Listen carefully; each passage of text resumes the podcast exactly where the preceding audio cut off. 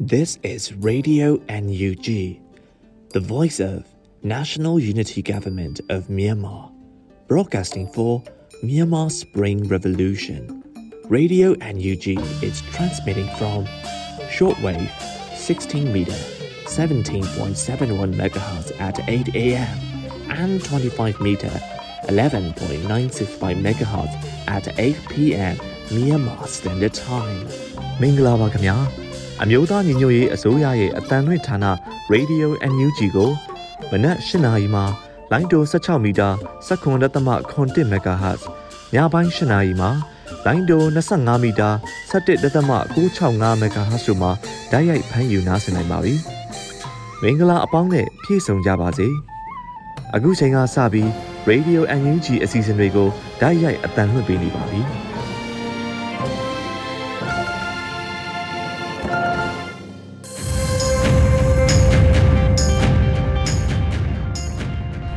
မြန်မာနိုင်ငံသူနိုင်ငံသားအပေါင်းတဘာဝပင်စစ်အာဏာရှင်ဘေးတို့ကနေကင်းဝေးပြီးကိုစိတ်နှပါကျမ်းမာလုံခြုံကြပါစေလို့ရေဒီယိုအန်ယူဂျီအဖွဲ့သားများကဆုတောင်းမေတ္တာပို့သလိုက်ရပါတယ်ရှင်။အခုချိန်မှစပြီးကာကွယ်ဝိညာဉ်ဌာနမှထုတ်ဝေသောစစ်ရေးတရေအကျဉ်းချုပ်ကိုတင်ဆက်ပေးသွားမှာဖြစ်ပါတယ်ရှင်။ကာကွယ်ရေးဝန်ကြီးဌာနမြို့သားညီညွတ်ရေးဆိုရမှာထုတ်ဝေတဲ့နေ့စဉ်စစ်ရေးသတင်းချင်းချုပ်ကိုတင်ဆက်ပေးမှာဖြစ်ပါတယ်ကျွန်တော်ဟိန်းကိုကိုပါ စစ်ကောင်စီနဲ့တိုက်ပွဲဖြစ်ပွားမှုသတင်းများအနေနဲ့ကချင်ပြည်နယ်မှာနိုဝင်ဘာ28ရက်နေ့နေ့လယ်2နာရီခန့်ကမိုးမောက်မြို့နယ်ခမရ430ခွန်ကြံငင်းကျေးရွာနီးမှာလက်နက်ကြီးပစ်တံများကြားရပြီးကချင်လွတ်မြောက်ရေးတပ်မတော် KIA နဲ့စစ်ကောင်စီတပ်တို့တိုက်ပွဲဖြစ်ပွားခဲ့ပါတယ်။ချင်းပြည်နယ်မှာနိုဝင်ဘာ28ရက်နေ့ကကံပက်လက်မြို့မှာစစ်ကောင်စီတပ်နဲ့ CDF ကံပက်လက်တို့ထိတွေ့တိုက်ပွဲဖြစ်ပွားခဲ့ရာစစ်ကောင်စီဘက်မှ3ဦးသေဆုံးပြီး6ဦးမသေမရှင်ပြင်းထန်စွာဒဏ်ရာရခဲ့ကြောင်းသိရပါတယ်။ Sky တိုင်းမှာနိုဝင်ဘာ29ရက်နေ့ည9:45မိနစ်ခန့်ကစကိုင်းရွှေဘိုလမ်းမပေါ်မှာစစ်ကောင်စီတပ်သားများလိုက်ပါလာတဲ့ကား၃စီးကိုပြည်သူ့ကာကွယ်ရေးတပ်ဝက်လက်မှမိုင်းဆွဲတိုက်ခိုက်ခဲ့ပြီးစစ်ကောင်စီတပ်သား18ဦးခန့်ထိခိုက်ဒဏ်ရာရရှိခဲ့ပါတယ်။နိုဝင်ဘာ29ရက်နေ့မနက်10:00နာရီခန့်ကညောင်မြို့နယ်မှာစစ်ကောင်စီတပ်များနဲ့ဒေသကာကွယ်ရေးပူးပေါင်းတပ်များအပြန်အလှန်ပစ်ခတ်တိုက်ပွဲဖြစ်ပွားခဲ့ပြီး ညနေ၄နာရီမှာဒုတိယအကြိမ်ထိတွေ့တိုက်ပွဲဖြစ်ပွားခဲ့ရာစစ်ကောင်စီတပ်သားများအထိကအကြဆုံးများခဲ့ပါတယ်။စစ်ကောင်စီမှကျူးလွန်တဲ့ရာဇဝတ်မှုများကတော့ကချင်ပြည်နယ်မှာနိုဝင်ဘာ28ရက်နေ့ကမိုးမောက်မြို့တွင်သို့စစ်ကောင်စီတပ်မှလူအင်အား100ခန်းနဲ့ဝင်ရောက်လာပြီးအလင်းကောင်ရက်ွက်ဈေးရှိမှာတနက်ပစ်ကဒေသခံပြည်သူ30ဦးခန့်ကိုလူသားတိုင်းပြုလုပ်ရန်လုံကြတောင်ဘက်သို့ဖမ်းဆီးခေါ်ဆောင်သွားကြောင်းသိရပါတယ်။ချင်းပြည်နယ်မှာ နိုဝင်ဘာ28ရက်နေ့နေ့လယ်2နာရီခန့်ကမင်းတပ်မြို့အနောက်ရက်ကွက်ကံပတ်လက်လမ်းကွက်စစ်ဆေးရေးဂိတ်မှာမျိုးသမီးတူနဲ့မျိုးသားနှုတ်ကိုစစ်ဆေးမင်းမြတ်ရန်စစ်ကောင်စီများမှခလာရ284တပ်တပ်သို့ဖမ်းဆီးခေါ်ဆောင်သွားခဲ့ပါတယ်။နိုဝင်ဘာ28ရက်နေ့ကမတူပီမြို့ခလာရ140တပ်ရင်းမှရက်သားကုန်တင်ကား3စီးကိုမင်းတပ်မတူပီလမ်းမှမိုင်းရှင်းလင်းရန်အတွက်ရှေ့ပြေးသွားရန်အဒမစေခိုင်းခဲ့ကြောင်းသိရပါတယ်။နိုဝင်ဘာ29ရက်နေ့ကထန်တလန်မြို့6ချိန်မြောက်မီးရှို့ခံရပြီး စိုက်ပျိုးရေးရက်ွက်ရှိစိန့်နီကောလက်စ်ကတ်လစ်ဖျားကျောင်းပါဝင်နေ96လုံးမီးလောင်ခဲ့ကြောင်းသိရပါတယ်။မွန်ပြည်နယ်မှာနိုဝင်ဘာ29ရက်နေ့ည8နာရီခန့်ကဘီလင်းမြို့နယ်တောင်စွန်းကျေးရွာဘင်းအောင်ရက်ွက်တရားနီးမှာစစ်ကောင်စီကင်းလဲကားနဲ့တိုက်ခိုက်ခံရခြင်းကြောင့်တောင်စွန်းကျေးရွာဘင်းအောင်ရက်ွက်မှာနေထိုင်တဲ့အသက်40နှစ်ခန့်ကိုစန်းထွတ်သေဆုံးသွားကြောင်းသိရပါတယ်။စကိုင်းတိုင်းမှာ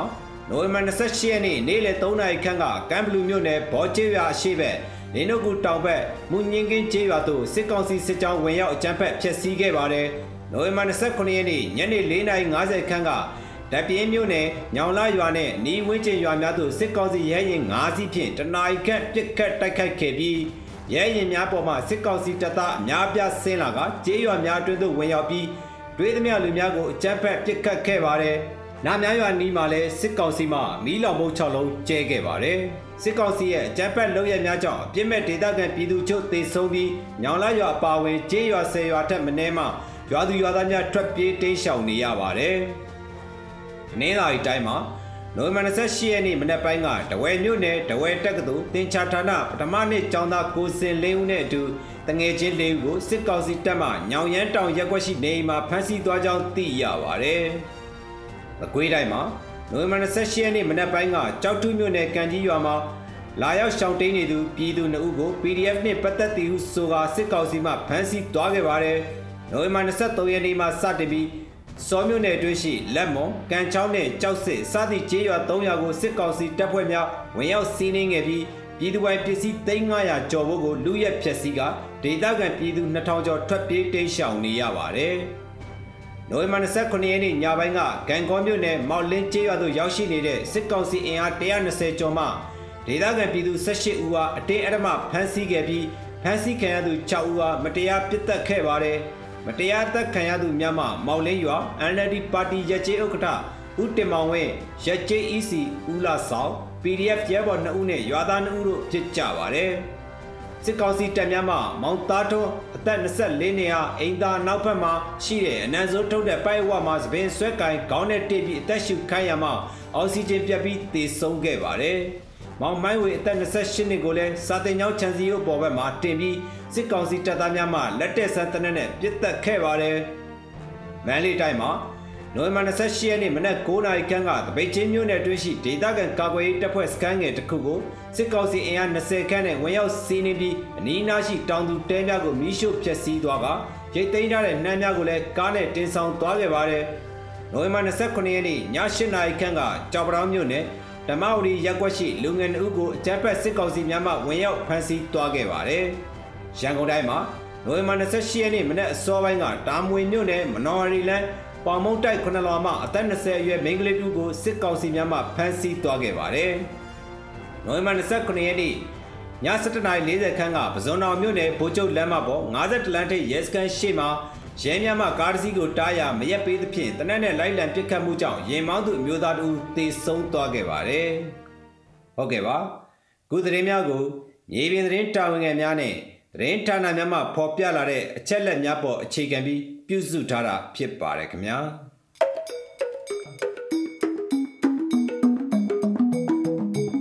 ရေဒီယို NUG မှာဆက်လက်အသံလွှင့်နေပါတယ်။အခုဆက်လက်ပြီးပြည်တွင်းသတင်းများကိုຫນွေဦးမောင်မှတင်ဆက်ပေးမှာဖြစ်ပါရရှင်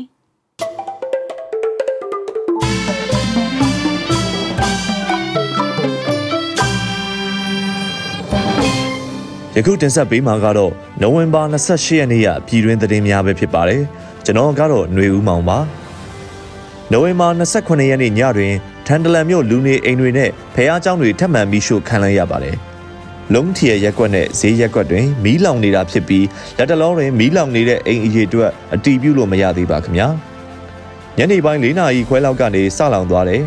အဝေးကပဲမြင်ရတယ်ဆိုတော့လုံးထီရဲ့ရက်ကွက်နဲ့ဈေးရက်ကွက်မှာလောင်လာဖြစ်မယ်လို့ခံမှန်းတယ်လို့ထန်တလန်ဒေသခံတဦးကပြောပါတယ် ပြီးခဲ့တဲ့စက်တင်ဘာလ9ရက်နေ့ကထန်တလန်မြို့တွင်တိုက်ပွဲဖြစ်ပွားပြီးစစ်ကောင်စီတပ်ကလက်နက်ကြီးနဲ့စတင်ပစ်ခတ်ခဲ့တာကြောင့်လူနေအိမ်တလုံးစတင်လောင်ကျွမ်းခဲ့ပါတယ်။စက်တင်ဘာလ18ရက်နေ့မှာထန်တလန်မြို့တွင်စစ်ကောင်စီတပ်သားတအူပစ်တက်ခံခဲ့ရလို့နေအိမ်များကိုစစ်ကောင်စီတပ်မှလက်နက်ကြီးနဲ့ပစ်ခတ်ရာလူနေအိမ်16လုံးမီးလောင်ပြာကျသွားပြီးမီးငိမ့်ကူရန်တွားရောက်ခဲ့တဲ့ပါစတာတအူကိုလည်းတပ်ဖြတ်ခဲ့ပါတယ်။အောက်တိုဘာလ29ရက်နေ့တွင် ထန်တလန်မြို့တွင်နေအိမ်များဖောက်ထွင်းခိုးယူနေသောစစ်ကောင်စီတပ်သားတို့ပြစ်တက်ခံခဲ့ရလို့စစ်ကောင်စီတပ်မှဘုရားကျောင်းအပါအဝင် နေအိမ်164လုံးကိုထပ်မံမိရှို့ခဲ့ပါတယ်။ဒါအပြင်နိုဝင်ဘာလအတွင်းစစ်ကောင်စီတပ်မှထန်တလန်မြို့အတွင်းရှိလူနေအိမ်နဲ့ဘုရားကျောင်းတွေကို6ကြိမ်ထက်မနည်းမိရှို့ဖျက်ဆီးခဲ့ပြီးအခုဆိုရင်9ကြိမ်မြောက်မိရှို့ဖျက်ဆီးခြင်းပဲဖြစ်ပါတယ်။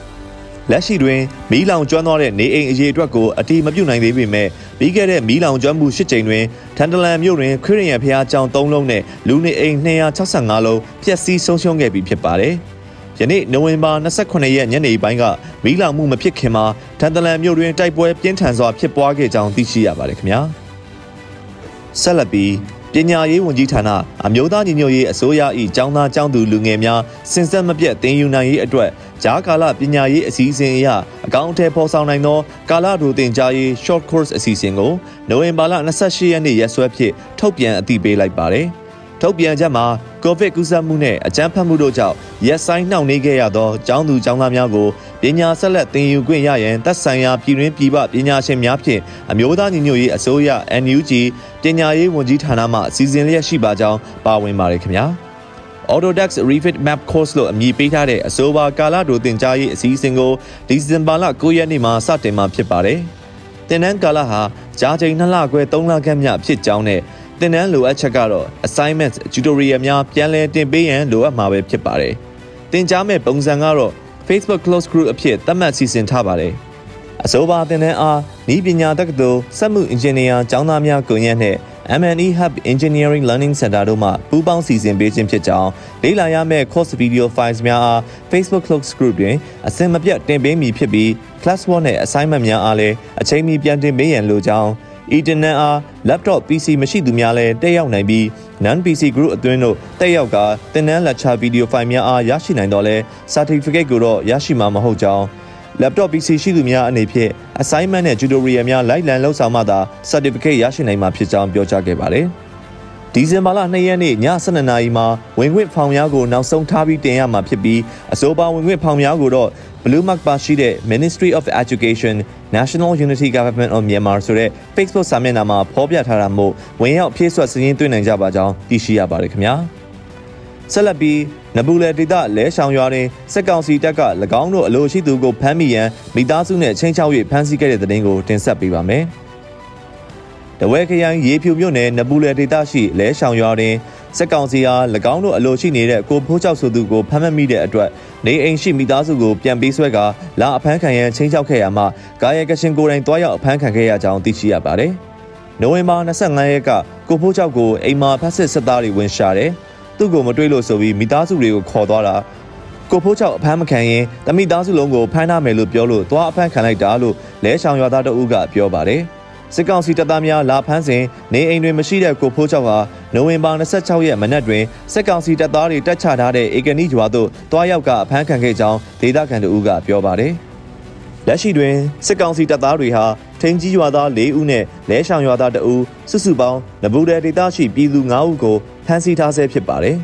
။နောက်ဆုံးတင်ဆက်ပေးမယ့်သတင်းကတော့ဆန္ဒပြလူငယ်တွေကိုကိုထိလက်ရောက်စော်ကားခဲ့တာကြောင့်မြန်မာပလာဇာကုန်တိုက်ကိုပြည်သူတွေကဘွိုင်းကော့လှုပ်ရှားမှုများပြုလုပ်လျက်ရှိပြီးအာနာသိန်းစစ်ကောင်စီကတော့နိုဝင်ဘာလ28ရက်နေ့မှာပဲစိုင်းပြန်ဖွင့်ဖို့အတွက်ဆိုင်ရှင်တွေကိုစတင်ဖိအားပေးလာနေပါတယ်။ ရန်ကုန်တိုင်းအာနာသိန်းစစ်ကောင်စီကမြို့တော်ခမ်းမကိုနိုဝင်ဘာလ28ရက်မနက်ပိုင်း10:00နာရီမှာအစည်းအဝေးလာတက်ဖို့မနေ့ညနိုဝင်ဘာလ28ရက်နေ့မှာစတင်ခေါ်ယူခဲ့ပါတယ်။အစည်းအဝေးကိုလာတက်တဲ့သူတွေ10ဦးတောင်မပြည့်တဲ့ကိစ္စနဲ့ပတ်သက်ပြီးရန်ကုန်တိုင်းစစ်ကောင်စီနဲ့စစ်ဗိုလ်ချုပ်တွေကမကြေမနက်ဖြစ်ခဲ့ရုံမကပဲအစည်းအဝေးလာမတက်တဲ့ဆိုင်ရှင်တွေကိုတပ်ဆိုင်ရာနယ်မြေခံရဲတွေကနေတဆင့်ဖမ်းခိုင်းဖို့ပြောသည့်အထိမြန်မာပလာဇာဆိုင်ရှင်များအတိုင်းအဝိုင်းကြားမှာပြောနေကြပါတယ်။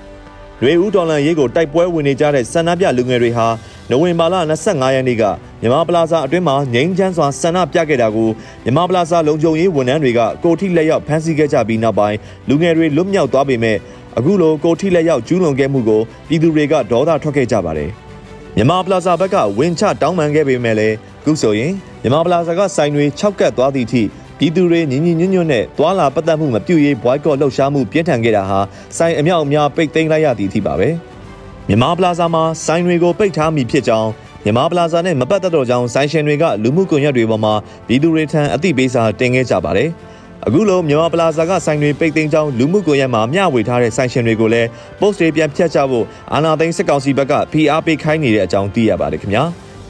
ယခုတင်ဆက်ပေးခဲ့တာကတော့နိုဝင်ဘာ28ရက်နေ့ကပြည်တွင်းသတင်းများပဲဖြစ်ပါတယ်ကျွန်တော်ကတော့ຫນွေဦးမောင်ပါ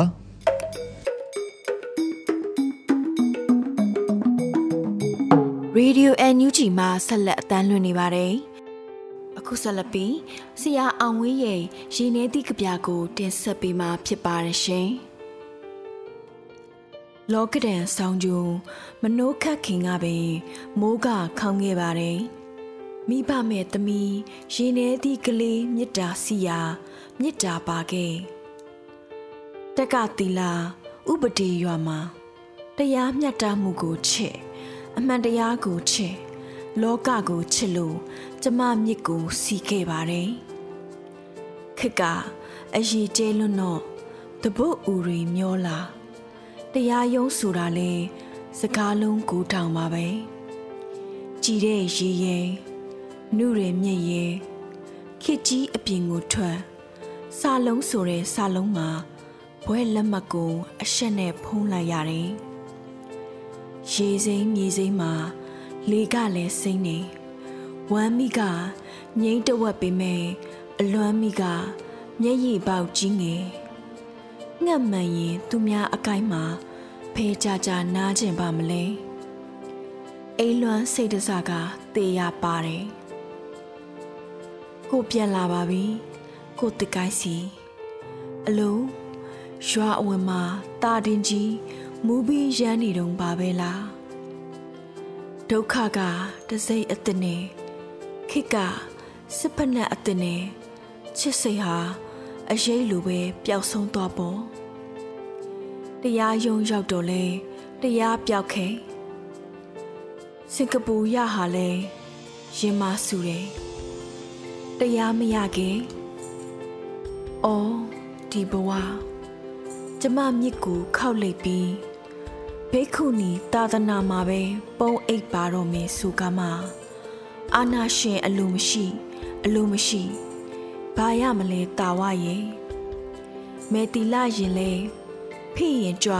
ထိရင်ချညိရင်ရှာတာပဲငါအသက်ဟာငါလက်နဲ့ပဲ ငါအသက်မချကျမလူဝိလဲလိုက်တာမဟုတ်ပါဘူးကျမဘဝကိုတနက်နဲ့လေးလိုက်တာပါဆရာလေးဒေါ်ဝရညာနီတဖြစ်လဲမတ်နန်းဝိဝါရင်ညွတ်မှာဒေါ်အောင်ဆန်းစုကြည်ပုံတက်တူထိုးလိုက်တယ်အောင်ဝေး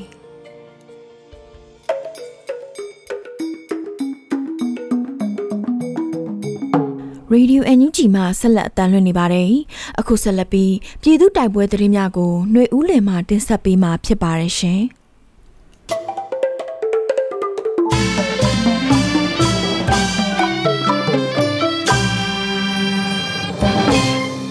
ပထမဆုံးအနေနဲ့ရွှေဘုံမန္တလေးလမ်းမှာ Express ကား၃စီးနဲ့စစ်ကောင်စီအဖွဲ့ဝင်များလာရောက်စဉ်မိုင်းဆွဲတိုက်ခိုက်ခံရတဲ့တဲ့ရင်ကိုတင်ဆက်မှာပါ။စကိုင်းတိုင်းရွှေဘုံမန္တလေးလမ်းပေါ်မှာ အကြမ်းဖက်စစ်ကောင်စီတပ်ကားများမိုင်းဆွဲတိုက်ခိုက်ခံရပြီးတေဆုံးထိခိုက်မှုများရှိနိုင်ကြောင်းဒေသခံများကပြောပါတယ်။ယမန်နေ့နိုဝင်ဘာ29ရက်နေ့ည10:00နာရီခွဲအချိန်စကိုင်းရွှေဘိုလမ်းမကြီးပေါ်မှာအကြမ်းဖက်စစ်ကောင်စီရဲ့စကိုင်းအခြေစိုက်တပ်မ33တပ်သားများလိုက်ပါလာတဲ့ Express ကား3စီးကိုမိုင်းခွဲတိုက်ခိုက်ခဲ့ရာအကြမ်းဖက်စစ်ကောင်စီတပ်သား18ဦးခန့်ထိခိုက်ဒဏ်ရာရရှိခဲ့ပြီးတေဆုံးသူများလည်းရှိနိုင်ကြောင်းမိုင်းခွဲပြီးချိန်မှာအောင်မြင်စွာဆုတ်ခွာနိုင်ခဲ့ကြောင်းဝက်လက်မြို့နယ်ပြည်သူ့ကာကွယ်ရေးတပ်ဖွဲ့ကသတင်းထုတ်ပြန်တာပါ။ အကြမ်းဖက်စစ်ကောင်စီဟာ Express ကား3စီးနဲ့စကိုင်းမြို့နယ်ကရွှေဘိုမြို့နယ်ကိုဥတီထွက်ခွာလာစဉ်မှာရွာသားကြီးနဲ့လှတော်ကြီးရွာအကြားရှိဒေသခံပြည်သူ့ကာကွယ်ရေးတပ်ဖွဲ့ရဲ့မိုင်းဆွဲတိုက်ခိုက်ခံရခြင်းဖြစ်ကြောင်းစကိုင်းမြို့နယ်သတင်းမှန်ပြန်ကြားရေးကအသိပေးထားပါတယ်။မိုင်းတီပြီးတဲ့နောက်ရန်တမ်းပစ်ခတ်မှုတွေရှိခဲ့ကြောင်းလည်းဒေသခံတွေကဆိုပါတယ်။စကိုင်းနယ်မြင့်မှုနယ်များကိုဖျက်ဆီးသွားလာတဲ့မုံရမန်းလေးလမ်းပေါ်မှာလည်း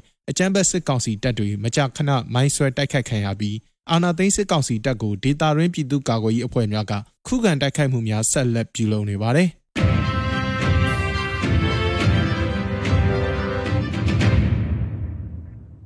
ဆက်လက်ပြီးစစ်အုပ်စုရဲ့ယာယီစခန်းသုံးခုကို KNL ရှင်းလင်းတဲ့တဲ့ရင်ကိုတင်ဆက်ပါပါ။ KNU ထိန်းချုပ်နယ်မြေမူတရောဖာပွန်ခရိုင်တပ်မဟာလေးနယ်မြေဒွယ်လိုမြို့နယ်မှာထောကျေးရွာအုပ်စုကားလန်လန်ဘေးမှာရှိတဲ့အကြမ်းဖက်စစ်အုပ်စုရဲ့ယာယီတပ်စခန်းသုံးခုကို KNU ကရှင်းလင်းခဲ့တယ်လို့ KNU သတင်းအရင်းမြစ်တွေကပြောပါတယ်။မနေ့ကနိုဝင်ဘာလ29ရက်နေ့မှာတက်ရောက်ရှင်းလင်းခဲ့တာဖြစ်ပြီးရှင်းလင်းခဲ့တဲ့တပ်စခန်းတွေဟာစစ်အုပ်စုခမာရ400တရင်က KNU တပ်မဟာ9နယ်မြေတွင်းမှာရှိတဲ့စစ်စခန်းတွေကိုစစ်လက်နက်နဲ့ရိတ်ခါပို့ဆောင်မှုချထားတဲ့တပ်စခန်းတွေဖြစ်တယ်လို့သိရပါတယ်။စစ်အုပ်စုရဲ့စခန်းတွေကိုရှင်းလင်းခဲ့ပြီးတဲ့နောက်ကားလန်တလျှောက်မှာတိုက်ပွဲတွေဆက်လက်ဖြစ်ပွားနေပြီး KNL ဘက်ကတအူးကြဆုံးခဲ့ကစစ်အုပ်စုဘက်ကတိတ်ဆုံးတန်ရာရသူစီးရင်တွေကိုတော့မသိရသေးပါဘူး။ ဒီနေ့နိုဝင်ဘာလ28ရက်နေ့မိုးလွယ်ပိုင်းနောက်ဆုံးရရှိထားတဲ့သတင်းအချက်အလက်တွေအရ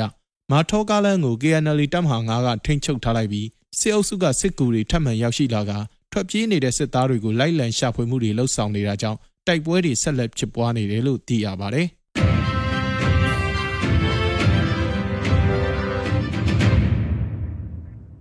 နောက်ဆုံးအနေနဲ့အမျိုးသားညီညွတ်ရေးအစိုးရပြည်ထရေးနဲ့လူဝင်မှုကြီးကြပ်ရေးဝန်ကြီးဌာနက နိုဝင်ဘာ28ရက်နေ့ရက်စွဲနဲ့ထုတ်ပြန်တဲ့ပြည်သူ့ခုခံတော်လှန်စစ်တရင်အချက်လက်တွေကိုတင်ဆက်ပေးသွားမှာပါ။အာနာသိန်းအကြမ်းဖက်စစ်အုပ်စုရဲ့ပြည်သူလူထုအပေါ်အကြမ်းဖက်ဖိနှိပ်ဖန်ဆီးတိုက်ခိုက်တပ်ဖြတ်နေမှုများကိုပြည်သူလူထုတရက်လုံးကအသက်ရှင်တန်ရေးအတွက်မိမိကိုယ်ကိုမိမိခုခံကာကွယ်ပိုင်ခွင့်အရာပြည်သူခုခံစစ် People's Defensive War ကိုဆင်နွှဲလျက်ရှိပါတယ်။တရင်အချက်လက်များအရ29ရက်17လ2021ရက်နေ့မှာစစ်ကောင်စီတပ်ဖွဲ့ဝင်32ဦးသေဆုံးပြီးထိခိုက်ဒဏ်ရာရရှိသူ18ဦးအထိခုခံတိုက်ခိုက်နိုင်ခဲ့ပါတယ်။ စစ်အာဏာရှင်စနစ်မြန်မာပြည်ပေါ်ကအပိတိုင်ချုပ်ငြိမ်းရေးနဲ့ Federal Democracy တိဆောက်ရေးအတွက်ငြိမ်းချမ်းစွာဆန္ဒပြတဲ့လူထုတပိတ်တိုက်ပွဲများကပြည်내နဲ့တိုင်းဒေသကြီးများမှာဖြစ်ပွားပေါ်ပေါက်လျက်ရှိပါတယ်။မြေပြင်မှာယခုတွေ့ရတဲ့သတင်းအချက်အလက်များထပ်ပို၍ဖြစ်ပွားနိုင်ပါတယ်ခင်ဗျာ။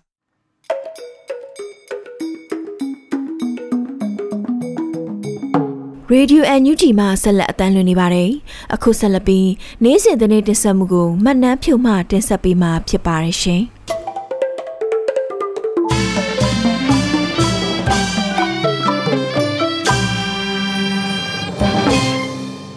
အခုပထမဆုံးအနေနဲ့ဒီပဲရင်မှာစစ်ကောင်စီတပ်ကရဟတ်ရင်အုပ်ပြုပစ်ခဲ့တာကြောင့်အရက်သားပြည်သူအ ਨੇ ဆုံးငါဥတီဆုပ်ခဲ့တဲ့တဲ့င်းကိုတင်ဆက်ပေးချင်ပါတယ်။စကိုင်းတိုင်းဒီပဲရင်မြို့နယ်မှာအကြံဖတ်စကောင်စီကနဲ့အရှိချမ်းနဲ့အနှောင်ချမ်းကိုစစ်ကြောင်းခွဲကထိုးစစ်ဆင်နေပြီးရဟတ်ရင်တွေပါအတုပ်ပြုပစ်ခတ်နေတာကြောင့်အရက်သားပြည်သူငါဦးထက်မနဲ့တိစုပ်ခဲ့တယ်လို့ဒေသခံတွေကပြောပါတယ်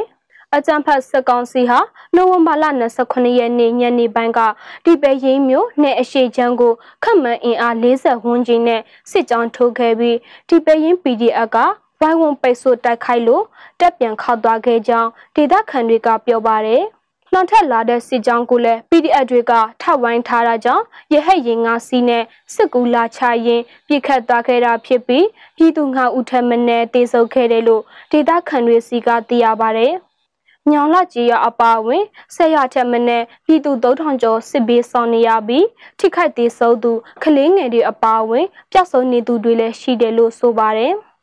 ပြည်သူတွေအနေဖြင့်မြို့နယ်အတွင်းစီစစ်ဘေးဆောင်ပြည်သူတွေကိုကြိုဆိုလက်ခံပေးကြဖို့စစ်ဘေးဆောင်တွေထဲမှာဒဏ်ရာရပြည်သူတွေပါဝင်လာပါကလိုအပ်တဲ့စေဝါကူတာမှုရစီစီရန်ဒေသတွင်လူမှုကူညီရေးအဖွဲ့များဆရာဝန်များကျန်းမာရေးစေပညာတက်ကြွသူများနဲ့ချိတ်ဆက်အကူအညီတောင်းဖို့ဖြက်လက်တန်ဆွမ်းသောလူငယ်တွေကဥဆောင်ပြီးပြတ်ဆုံးပြည်သူတွေကိုဝိုင်းဝန်းစာဖွေပေးကြဖို့ဒီပဲရင်ပြည်သူကာကွယ်ရေးတပ်ဖွဲ့ကမေတ္တာရက်ခံထားတာကိုလည်းတွေ့ရပါတယ်။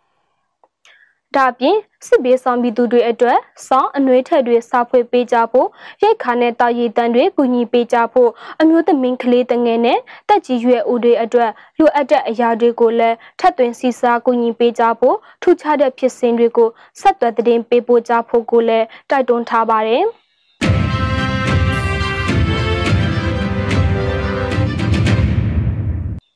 မြန်မာစစ်တပ်ကိုလက်နက်လွှဲပြောင်းခြင်းအပါအဝင်ကုရင်ထောက်ပံ့မှုအားလုံးရပ်တန့်ရန်အမေရိကန်အပါအဝင်နိုင်ငံကြီးခုနှစ်နိုင်ငံတောင်းဆိုခဲ့တဲ့တဲ့တင်ကိုဆက်လက်တင်ဆက်ပေးချင်ပါတယ်။မြန်မာနိုင်ငံမှာအကြမ်းဖက်မှုတွေအဆုတ်သက်ရေးစစ်တပ်ကိုလက်နက်လွှဲပြောင်းခြင်းအပါအဝင်ကုညီထောက်ပံ့မှုအားလုံးရပ်တန့်ဖို့နိုင်ငံတကာအတိုင်းအဝန်ကိုအမေရိကန်အပါအဝင်နိုင်ငံကြီးခုနှစ်နိုင်ငံကမနေ့ကတောင်းဆိုပါတယ်။နိုဝင်ဘာ26ရက်စွဲနဲ့ဩစတြေးလျ၊ကနေဒါ နယူးဇီလန်နော်ဝေတောင်ကိုရီးယားဗြိတိန်အမေရိကန်တို့ကမြမအရေးကိုစိုးရိမ်ပူပန်ကြောင်းပူတွဲကြေညာချက်ထုတ်ပြန်ခဲ့တာဖြစ်ပြီးတရားမျှတမှုကိုပံ့ပိုးပေးဖို့နဲ့ရက်ဆွက်စာကျူးလွန်သူတွေကိုတာဝန်ခံစေရေးအပါအဝင်မြန်မာနိုင်ငံမှာနောက်ထပ်ရက်ဆက်စွာကျူးလွန်မှုတွေကိုတားဆီးဖို့နိုင်ငံတကာအတိုင်းအဝန်ကအတူတကွလှုံ့ဆော်ကြဖို့တိုက်တွန်းထားပါတယ်။ မြန်မာနိုင်ငံအခြေအနေဟာဒေသတွင်းလှုပ်ချွေရေးအပေါ်အကျိုးသက်ရောက်မှုစီစီပြီးအာဆီယံသဘောတူညီချက်9ရက်ကိုထောက်ခံတယ်လို့ခုနှစ်နိုင်ငံရဲ့ပူးတွဲကြေညာချက်မှာဖော်ပြထားပါတယ်။ အဲ့ဒီခုနှစ်နိုင်ငံဟာမြန်မာစစ်တပ်ကိုတာဝန်ခံမှုစစ်ဆေးရေးတိုးမြင့်လှုပ်ဆောင်ဖို့လက်ရှိမြန်မာအကြက်အတက်ဖြစ်စဉ်ရေးနဲ့ဒီမိုကရေစီလမ်းကြောင်းကိုပြန်လည်ရောက်ရှိဖို့အာဆီယံကုလသမဂ္ဂနဲ့နိုင်ငံတကာအတိုင်းအဝန်တို့နဲ့ကြဲပြန့်စွာနှင်းနှင်းကပ်ကပ်အတူတကွဆက်လက်လှုပ်ဆောင်သွားမယ်လို့လည်းကြေညာချက်မှာဖော်ပြပါတယ်။ နိုင်ငံတော်ဝန်မှာမြန်မာလုံခြုံရေးတပ်ဖွဲ့တွေရဲ့အလူအခွင့်အရေးဆက်လက်ချိုးဖောက်မှုတွေနဲ့ရက်ဆက်ကြမ်းကြုတ်မှုတွေအပေါ်အလိုအမင်းဆိုးရိမ်တယ်လို့အမေရိကန်ဗြိတိန်အပါအဝင်နိုင်ငံခုနှစ်ခုကဒီနှစ်နိုဝင်ဘာ26ရက်ပူးတွဲထုတ်ပြန်ကြေညာပါတယ်နိုင်ငံတော်ဝန်မှာအထူးသဖြင့်ချင်းပြည်နယ်စကိုင်းတိုင်းနဲ့မကွေးတိုင်းတို့မှာမြန်မာစစ်တပ်ရဲ့လက်ပိုင်းဆိုင်ရာအကြမ်းဖက်မှုတွေနဲ့ညှိပန်းနှိပ်စက်မှုတွေဆက်လက်မြင့်တက်ဖြစ်ပေါ်နေတဲ့အပေါ်အလိုအမင်းဆိုးရိမ်ကြောင်းဖော်ပြပါရယ်။ မြန်မာစစ်တပ်ရဲ့အမြောက်ကြီးနဲ့လေကြောင်းတိုက်ခိုက်မှုတွေလက်နက်ကြီးအုပ်ပြုမှုနဲ့ထောင်ပေါင်းများစွာသောတပ်နေရာချထားမှုတွေအပါအဝင်လက်နက်စုဆောင်းမှုနဲ့တိုက်ခိုက်မှုတွေအပေါ်စိုးရိမ်တယ်လို့လည်းဆိုပါတယ်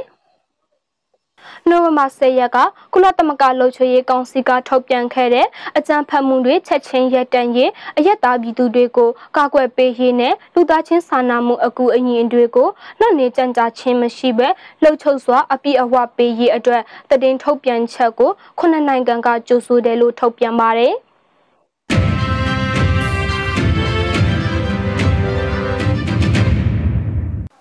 န်ဆီးခတ်အမျိုးသမီးတည်င်းထားတွေအပါအဝင်မီဒီယာလူလက်ခွင့်အတွက်ဘီတဲ့အစိုးရဆက်လက်ရည်တည်မဲ့ဆိုတဲ့တည်င်းကိုတင်ဆက်ပေးချင်ပါတယ်။အကြံဖတ်စကောင်စီရဲ့ဖန်ဆီးခံထားရတဲ့အမျိုးသမီးတည်င်းထားတွေအပါအဝင်မီဒီယာလူလက်ခွင့်အတွက် UK အစိုးရကဆက်လက်ရည်တည်သွားမယ်လို့ရန်ကုန်မြို့မှာစီတဲ့ဘီတိတ်တန်ရုပ်ကဒီနှစ်နိုဝင်ဘာ24မှာထုတ်ပြန်ပါတယ်။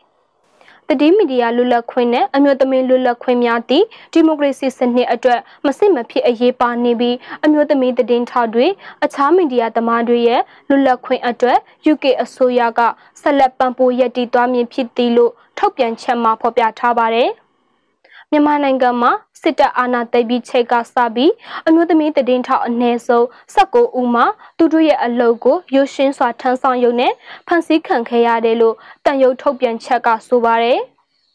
ဒါအပြင်တည်င်းထောက်တွေဟာအမှန်တရားကိုထုတ်ဖော်ရည်သားရုံများနဲ့မတရားဖန်ဆီးချုပ်နှောင်မှုတွေညီပနှိပ်စက်မှုတွေနဲ့တရားစွဲဆိုခံနိုင်တဲ့အန္တရာယ်များကြုံတွေ့နေရပြီးအထူးသဖြင့်အမျိုးသမီးတည်င်းထောက်တွေဟာလက်ပိုင်းဆိုင်ရာနောက်ဆက်စော်ကားခံရမှုတွေနဲ့ချိတ်ချမှုတွေကိုတိုးမြင့်ရင်ဆိုင်နေရတယ်လို့ထောက်ပြထားပါတယ်။လက်ရှိမှာတော့မြန်မာအမျိုးသမီးတည်င်းထောက်အ ਨੇ ဆုံးစစ်ဦးဆက်လက်ထိတ်သိမ်းခံရဆဲဖြစ်တယ်လို့ဗီတိတ်တန်ရုပ်ထုတ်ပြန်ချက်မှာဖော်ပြထားပါတယ်။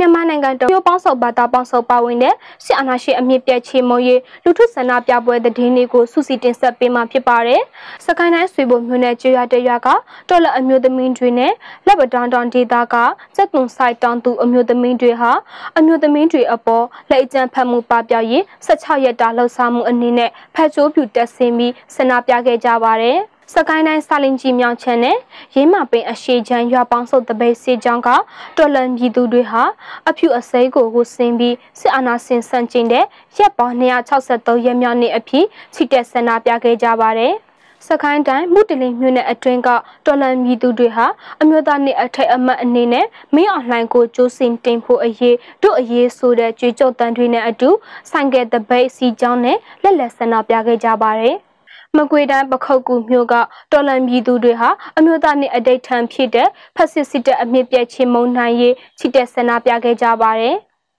ကချင်ပြည်နယ်ဖာကမြို့ကတိုင်းသားလူမျိုးပေါင်းစုံတပိတ်စေကျောင်းက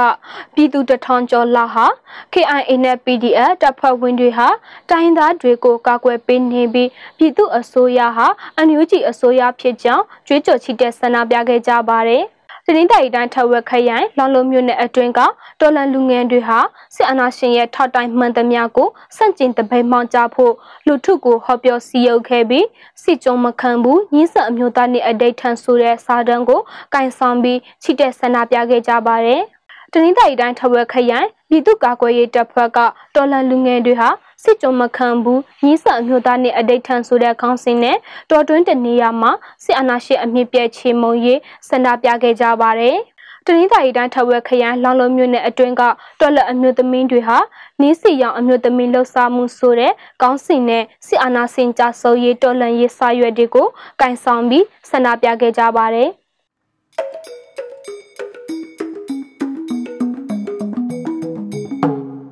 ဒီကနေ့ကတော့ဒီညနေပဲ Radio NUG ရဲ့အစီအစဉ်တွေကိုခਿੱတရနာလိုက်ပါမယ်မြန်မာစံတော်ချိန်မနက်၈နာရီနဲ့ညနေ၈နာရီအချိန်တွေမှာပြန်လည်ဆုံတွေ့ကြပါစို့ Radio NUG ကိုမနက်၈နာရီမှာလိုင်းတို16မီတာ7.1 MHz ညပိုင်း၈နာရီမှာလိုင်းတို25မီတာ17.665 MHz တို့မှာဓာတ်ရိုက်ဖမ်းယူနားဆင်နိုင်ပါပြီမြန်မာနိုင်ငံသူနိုင်ငံသားများကိုစိတ်နှပြကျန်းမာချမ်းသာလို့ ဘေးကင်းလုံခြုံကြပါစေလို့ Radio NUG အဖွဲ့သူအဖွဲ့သားများကဆုတောင်းလိုက်ရပါတယ်။အမျိုးသားညီညွတ်ရေးအစိုးရရဲ့စက်သွယ်ရေးတရင်အချက်အလက်နဲ့ဤပညာဝန်ကြီးဌာနကထုတ်လွှင့်နေတဲ့ Radio NUG ဖြစ်ပါတယ်။ San Francisco Bay Area အခြေစိုက်မြန်မာမိသားစုများနဲ့နိုင်ငံတကာကစေတနာရှင်များလှူအားပေးများရဲ့ Radio NUG ဖြစ်ပါတယ်။အရေးတော်ပုံအောင်ရမည်။